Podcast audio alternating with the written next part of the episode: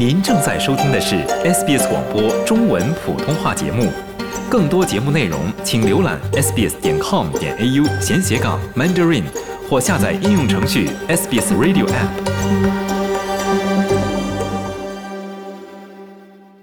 听众朋友们，欢迎您收听本期的闲话澳洲，我是雨夜。那在上期的闲话澳洲节目之中呢，我们是和大家科普了在澳洲如果遇到紧急情况，应该向。哪些部门求助的相关信息，特别是现在的新州和昆州方面啊，这个洪涝灾害的警情都是非常的不容乐观。在这些情况下，要如何自救以及向他人求助的相关信息呢？您可以去关注我们上一期闲话澳洲的节目。那在今天的闲话澳洲节目之中呢，我们要接着上期继续来和您说一说有关澳洲的紧急救援服务的一些相关的信息。今天呢，我们请到的还是特约嘉宾 Helen Louis。今天呢，我们将着眼在大家非常熟悉的零零零报警电话上，以及在澳洲的其他的紧急的医疗情况之下，应该向哪些部门求助。那我们还是先来和 Helen 打一个招呼。Helen 您好，雨夜你好，听众朋友们大家好。嗯好了那我们在上期的节目中也是说到了，在这个洪涝灾害以及在山火的情况下，或者是家中断水断电的情况下，可以去如何的处置和向有关的部门求助。那在澳洲生活的华人朋友们呢，可能对一个号码是非常的熟悉啊，就是零零零这个号码啊。那今天呢，我们就从这个号码开始切入，请 Helen 来给我们讲一讲，什么时候可以拨打零零零的紧急的。求助电话对澳洲呢，求助电话呢，因为我记得国内好像是分开的，但是澳洲呢，求助电话就是消防、警察跟救护车，它都是一个号码，就是零零零。随后呢，这里呢就要说一下一个有趣的事儿，其实呢。很多人都是看美剧，可能看多了，包括土生土长的澳大利亚的人，有的时候都不知道，其实应该打零零零。就第一个反应就是九幺幺，因为我记得好像现在有一部比较红的叫 Brooklyn Nine One One。也正因为如此，其实呢，除了零零零之外，现在呢，大家如果是用手网络去打那个紧急求助电话的话呢，即便你打九幺幺。要看你的手机的服务公司是哪一家公司，但一般的公司是会自动帮你转去零零零的，因为他知道很多人都以为九幺幺是紧急求助电话。还有呢，手机可以打幺幺二，幺幺二呢也是手机网络呢会帮你直接转去零零零的。但是这两个幺幺二其实还可以，幺幺二呢，因为如果是卫星通讯的话，打幺幺二也可以打得到紧急求助。但是九幺幺呢，虽然说很多电话公司会帮你转，但是他们从来不会告知公众啊，你。打九幺幺，我们会帮你转，因为他们就怕耽误事儿，所以就跟大家说一下，能够记住零零零的话，还是打零零零，除非就是脑子里一下蹦出来的是九幺幺，你打一下，基本上还是能够接通。嗯，如果是在特别紧急的情况下，脑海中浮现的只是九幺幺的话，那可能打一下还是无伤大雅的。但是还是建议在澳洲生活的听众朋友们要把零零零这三个数字牢记在心中，因为说不定什么时候就可能会用的。上再说回这个零零零的功能啊，刚才 Helen 也是跟我们科普到，澳洲跟中国的情况不一样，它所有的紧急救援服务都是拨打零零零的。那到底是什么情况才算得上是紧急情况呢？一般来讲呢，零零零，如果你拨打零零零的话呢，一个是火情，一个呢就是要救护车，还有一个呢需要叫警察。所以在拨打零零零之后呢，因为 Telstra 它有一个跟政府的合同，就是由他们的接线员首先来接线，随后呢，他第一个问题问的就是 Fire Ambulance or Police，就是问你是不是需要消防，还是救护车，还是需要警察。所以呢，我建议大家就是上期我们也说过，就学一个单词 Mandarin，实在不行 Chinese 也行。这样的话，接线员就知道去帮你先联系一个口译员，随后呢，口译员联系到之后，你就可以告诉他们你需要哪一方面的服务，他们呢会再帮你转接到那些服务的机构。嗯，可能有的时候大家遇到一点小事就想着这个零零零啊，但其实呢，在澳洲的很多部门也是建议把这个零零零是留给一个特别紧急的情况使用，比如说是给一些家暴的受害者啊，或者是给一些处于医疗紧急情况下的民众来服务。那如果是就拿遇到一些警情来说吧，如果这个警情不是特别特别的严重的话，是不是有一个其他的渠道可以来向有关部门去求助或者报告呢？呃，是的，其实它有两个不同的其他的电话号码，一个呢是幺三幺四四四，这个呢就是如果你看到有一些情况发生。需要救助，但是呢，这个情况呢又不是特别紧急的情况下，那你可以打幺三幺四四四。这边呢，我就跟大家说一个小故事。有一次呢，我跟我儿子开着车，我们去看，应该是去看一个表演。嗯，随后回家的路上呢，路过一个公共汽车站。公共汽车站不是有个候车亭嘛？候车亭有一张长椅，那个长椅上呢坐着一个人，但是他的坐姿就很奇怪，整个人蜷缩着。但是呢，因为我们是在车上，而且那天呢也在下雨。那个时候路上车还挺多的，所以呢，我们也不方便停下来，呃，也不知道他到底是怎么回事儿。但是呢，因为不知道到底怎么回事儿，也不是特别明显的紧急情况，所以呢，我们就打了那个幺三幺四四四，随后就告诉警察那个公共汽车候车亭在哪里。他们说他们会派警车去看一下是什么情况。我觉得这个是比较适合打幺三幺四四四的，因为这个人可能什么事都没有。只是我们路过就觉得，哎，他那个坐姿有点蹊跷，而且晚上在等公交车嘛，所以就怕他有事儿。但是呢，不是百分之一百能够确认的紧急情况。那还有澳洲还有一个电话是跟警察有关的呢，就是 Crime Stoppers，其实呢是为那个犯罪案例提供线索的一个电话号码，就是幺八零零三三三零零零。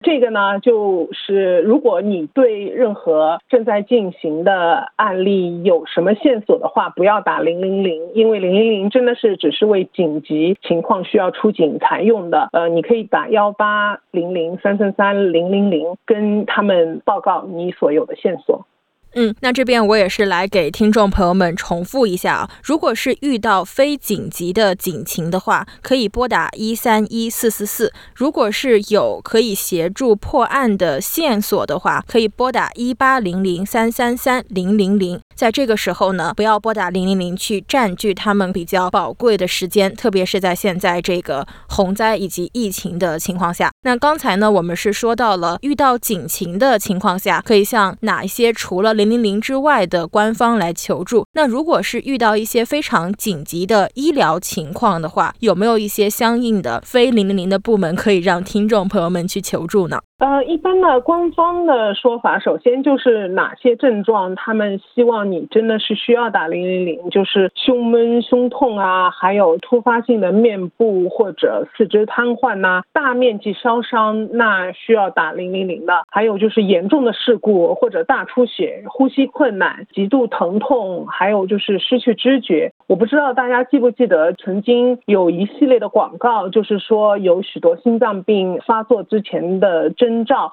他那个广告的场景就是那些人就觉得，哎，应该没事的，那我还是不去打零零零吧，不要占用宝贵资源。结果呢，就是去世了。他们就是作为一个呃已经去世的人，再回去看他人生的最后这一段是怎么考虑没有去打零零零。所以呢，就是他就说，如果有心脏病之类的征兆，就像刚才说的胸闷、胸痛啊，突然呼吸困难之类的，这些呢就需要打零零零，而且他们是非常鼓励你去打零零零。嗯，因为说最糟糕的就是虚惊一场。但是其他情况呢？其实澳洲有一个叫 Health Direct，随后昆州好像叫幺三呃 Health，随后呢维州呢叫 Nurse on Call，这几个呢不是特别紧急的情况下可以打的，因为那边呢对面呢是注册的护士，他们可以询问你的情况，随后呢可以给出一些建议。随后如果这个护士觉得你描述的情况其实是非常紧急的，他会帮你去叫救护车。嗯，看来还是要根据自身的情况而定啊。如果是自己的身体，或者是真的出现了非常紧急的警情，那也是要尽快的拨打零零零来寻求有关方面的帮助啊。那在这边也要说啊，很多的华人不敢打零零零的一个原因，可能是觉得如果是打了零零零，他会派一辆救护车过来。那这个救护车的价格，在网上很多人都说，这个救护车在澳洲的价格是天价。那因为这个原因呢，很多人遇到紧急情况，可能是不太敢去拨打零零零的。那在澳洲有没有一些相对的保险可以来帮助大家去避免这种情况的出现呢？呃，首先一点就是，可能很多听众会说，哦，我已经有私人医疗保险了，里面好像是有救护车险的。但是呢，如果是这种情况呢，觉得大家最好就是跟你私人医疗保险的那个公司啊沟通一下。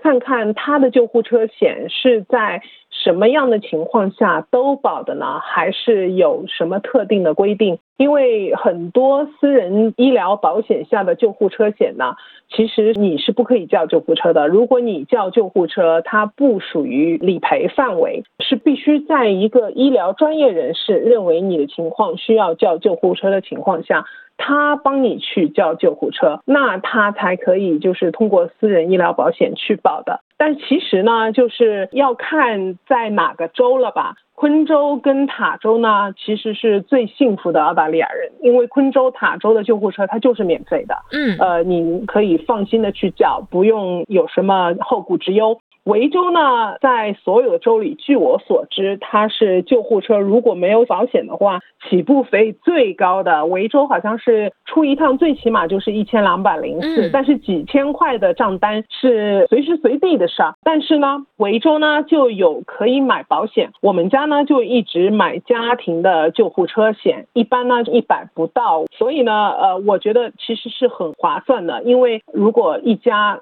我们家是一家三口，一个人就是三十多块钱，这样的话就没有后顾之忧了。一旦有什么事儿的话，那就可以叫救护车。随后其他州呢，可能大家需要去了解一下。据我所知，首领地跟新州呢，其实政府都没有这个保险的，因为维州的这个救护车险是政府来组织的。青州跟首领地呢，貌似是没有政府组织的，那大家就需要保证，就是在私人的医疗保险里面，一定要把这个救护车这一件事给张罗好。所以我就觉得救护车险真的是非常非常的重要，因为首先大家不想被那个天价的账单吓到，对吧？也是成为一个负担。第二，人命关天，紧要关头，根本就不想还要想，哎，我到底是要不要叫？不然的话，因为我没有保险，所以。我可能那个账单付不起，呃，那就把这个忧虑就可以抛到脑后，就不用担心，拿起电话先叫救护车了。嗯，可能因为担心这个后续账单的问题啊，还是有不少的华人在社交媒体上表示自己是不敢去在澳洲叫一个救护车的，所以。呃，从这个角度来看，有一个自己的救护车险还是非常非常重要的。而且，就像 Helen 刚才说到的，有的看上去保了救护车保险的保单，它其实是只能在医护人员的 consent 之下才可以去叫到救护车的。自己在家中去叫救护车，可能还是会产生相应的费用的。所以，大家也是要再去关注一下自己保单上保的具体的内容，去确定一下是不是它是一个没有。限制的救护车保险。那说完这个相对的救护车的保险啊，呃，相信很多的在澳洲的华人都跟我有一个一样的梦想。那就是过一下澳洲的田园生活，特别是在退休之后，可能会想有一个自己的一亩三分地，去过一个采菊东南下，悠然见南山的生活吧。但是过这种生活呢，可能也是存在着相应的风险的。呃，如果是在偏远地区的话，救护车的服务可能不能那么快的赶到。这个中间也会是存在着一定的风险。之前我跟 Helen 聊天的时候啊，他也是分享了一个故事，让我真的是感触很深。可不可以请 Helen 来跟听众朋友们也分享一下这个故事呢？嗯，我可以说一下，但是希望就是不要让大家就觉得啊，那我以后就不搬去乡居住了，因为有的时候怎么说呢，人生就是权衡嘛，对吧？看看哪一个更适合自己。因为我有一个朋友是几年前去世的，其实他是有 PhD 的一个护士，随后呢，他先生呢是一个骨科专家，所以呢，两个人都是有医疗背景的。他们呢是住在维州的乡村地区，随后呢就住在两个比较有规模的镇的当中吧。随后有一次呢，他跟他的女儿准备去跟他的先生约好了在镇上去吃饭。随后呢，他们就准备先出发。他先生呢还在镇上的诊所上班。随后呢，他出发的时候就觉得，哎，觉得好像有点不太舒服。他就跟他女儿说，哦，那可能是不是是因为胃酸反流的现象？那我回去拿一点药。又回了房屋里面去拿了药出来，还是觉得不舒服。以他的医疗经验，他就跟他女儿说，赶快叫救护车。我觉得我这个问题比较大，所以他女儿就叫了救护车了。问题就是在乡村呢，我不知道大家如果去乡村开车的话，可以看到在路边有很多的信箱，随后呢有一个 RMB。跟那个人民币的缩写是一样的，其实呢，它是 roadside mailbox，嗯，就是路边的信箱。随后很多因为乡村的地方呢都是比较大的，每一个家的地皮都比较大嘛，而且呢，一般房子都是在大路的，呃，要进去几百米。他们家的房子呢也是这样，所以在乡村叫救护车，在他去世之后，我才是第一次知道不可以，就是你叫完之后，在城市的话，你叫完把外面的灯一开，这个呢就说。一点就是叫完救护车的话呢，一定要把前门不要锁，把外面的灯开着，这样的话他们方便找到你的家。随后呢，呃，说到我那个朋友呢，因为他在乡村，虽然说天色还没有晚，但是因为在乡村，所以呢，他们有一个规定，就是你需要有一个人到大路上去等那个救护车，这样的话救护车就不会找错地方。所以呢，他女儿就跑到大路上去等救护车了，等了大概一段时间，救护车才到，随后再引着救护车再开那个几百米。开到家里的车库旁边，那个时候他妈妈已经倒在地上了。随后他们就做了很长时间的心肺复苏。他呃女儿在等救护车的时候呢，同时也给爸爸打了个电话。随后爸爸就呃撂下一切，从镇上再赶回来，也做了一段时间的心肺复苏。结果呢，后来发现呃我这个朋友呢，主要他是心血管，他有一根血管爆裂了。是因为这个原因去世的。虽然说救护车到的再早，可能也没有回天之力，但是我听到这个故事之后，我就觉得，哎，以后那种乡村田园的生活，可能需要想一下。就像我刚才说故事之前吧，大家就要权衡一下。这个呢，就是澳洲地大物博，这的确也是一个现状，就是有的时候紧急救援服务可能一下子够不到您。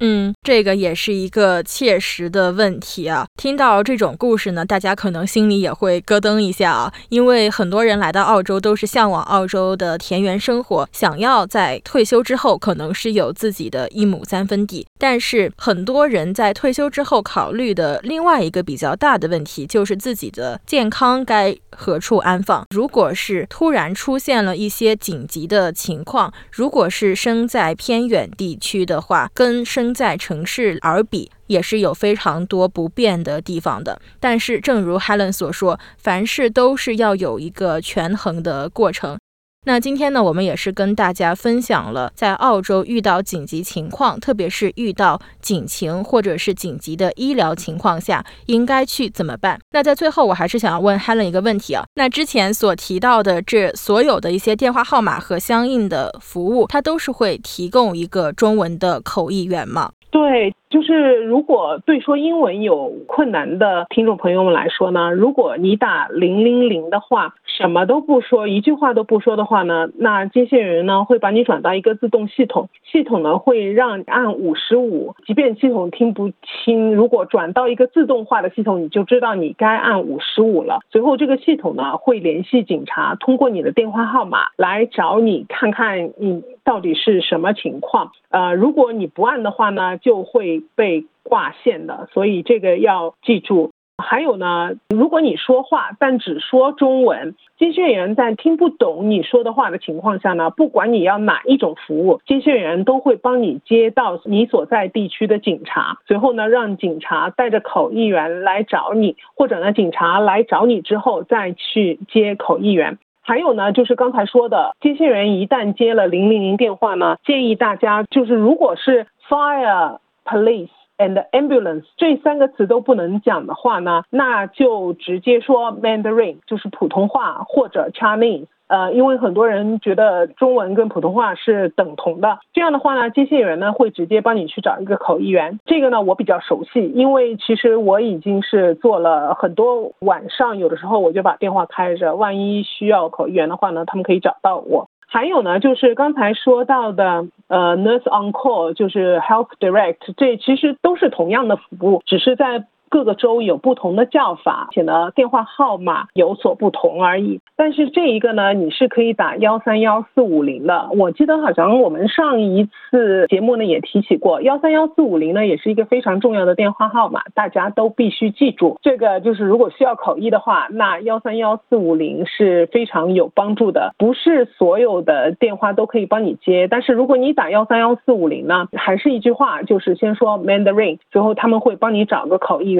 随后口译员会问你，你需要他们帮你接到哪一个服务，你就告诉他们你需要接哪一个服务。比如说，就是刚才说的 nurse on call 叫待命护士服务吗？还有 health direct 就是医疗直线。这一个呢，你就直接告诉他，他们其实是知道电话号码的，他们就会帮你去接。所以呢，就是我们刚才说到的这些呢，其实幺三幺四五零都会帮你去接的。但是呢，不是所有的都会由幺三幺四五零帮你。接，因为有的呢没有跟他们签约就不能接了，所以呢他们也会告诉你啊这一家不能帮你接。但是据我所知，大多数的紧急救援服务呢幺三幺四五零都会帮着接的，所以大家不会说英文的话呢也不用太过担心。嗯，澳洲作为一个多元语言环境的国家啊，在这方面的服务还是做的比较到位的。那刚刚听到 Helen 的科普之后啊，我对一点还是感触很深的。比如说你在拨打零零零之后呢，如果是在一些紧急情况，比如说家暴，然后这个家暴的施暴者他就在附近的话，你可能是不能通过语言去表达自己现在身处的一个困境。在这个时候，如果能去通过按键来表达的话，可能也是一个非常非常好的一个办法呀。如果是听众朋友们自己或者是身边的人存在相应的困境的话，不妨把这个方法去传递给他们，也可以让他们在危机或者是在紧急情况下抱有一丝希望吧。对。嗯，那今天呢也是非常非常的感谢 Helen 来接着上期跟我们继续分享有关澳洲紧急电话一些相关的信息。那如果是现在身处于新州以及昆州的听众朋友们，对于在这个洪涝灾害下的一些紧急的自救以及求助的方法有疑问的话，可以去关注我们上一期闲话澳洲的节目，在上一期节目中呢有更多相关的解读。那今天呢也是非常感谢 Helen 来参与与。我们的节目，谢谢。嗯，谢谢雨嫣。想听到更多这样的故事吗？您可以通过苹果播客、谷歌播客、Spotify，或者您喜爱的方式下载收听。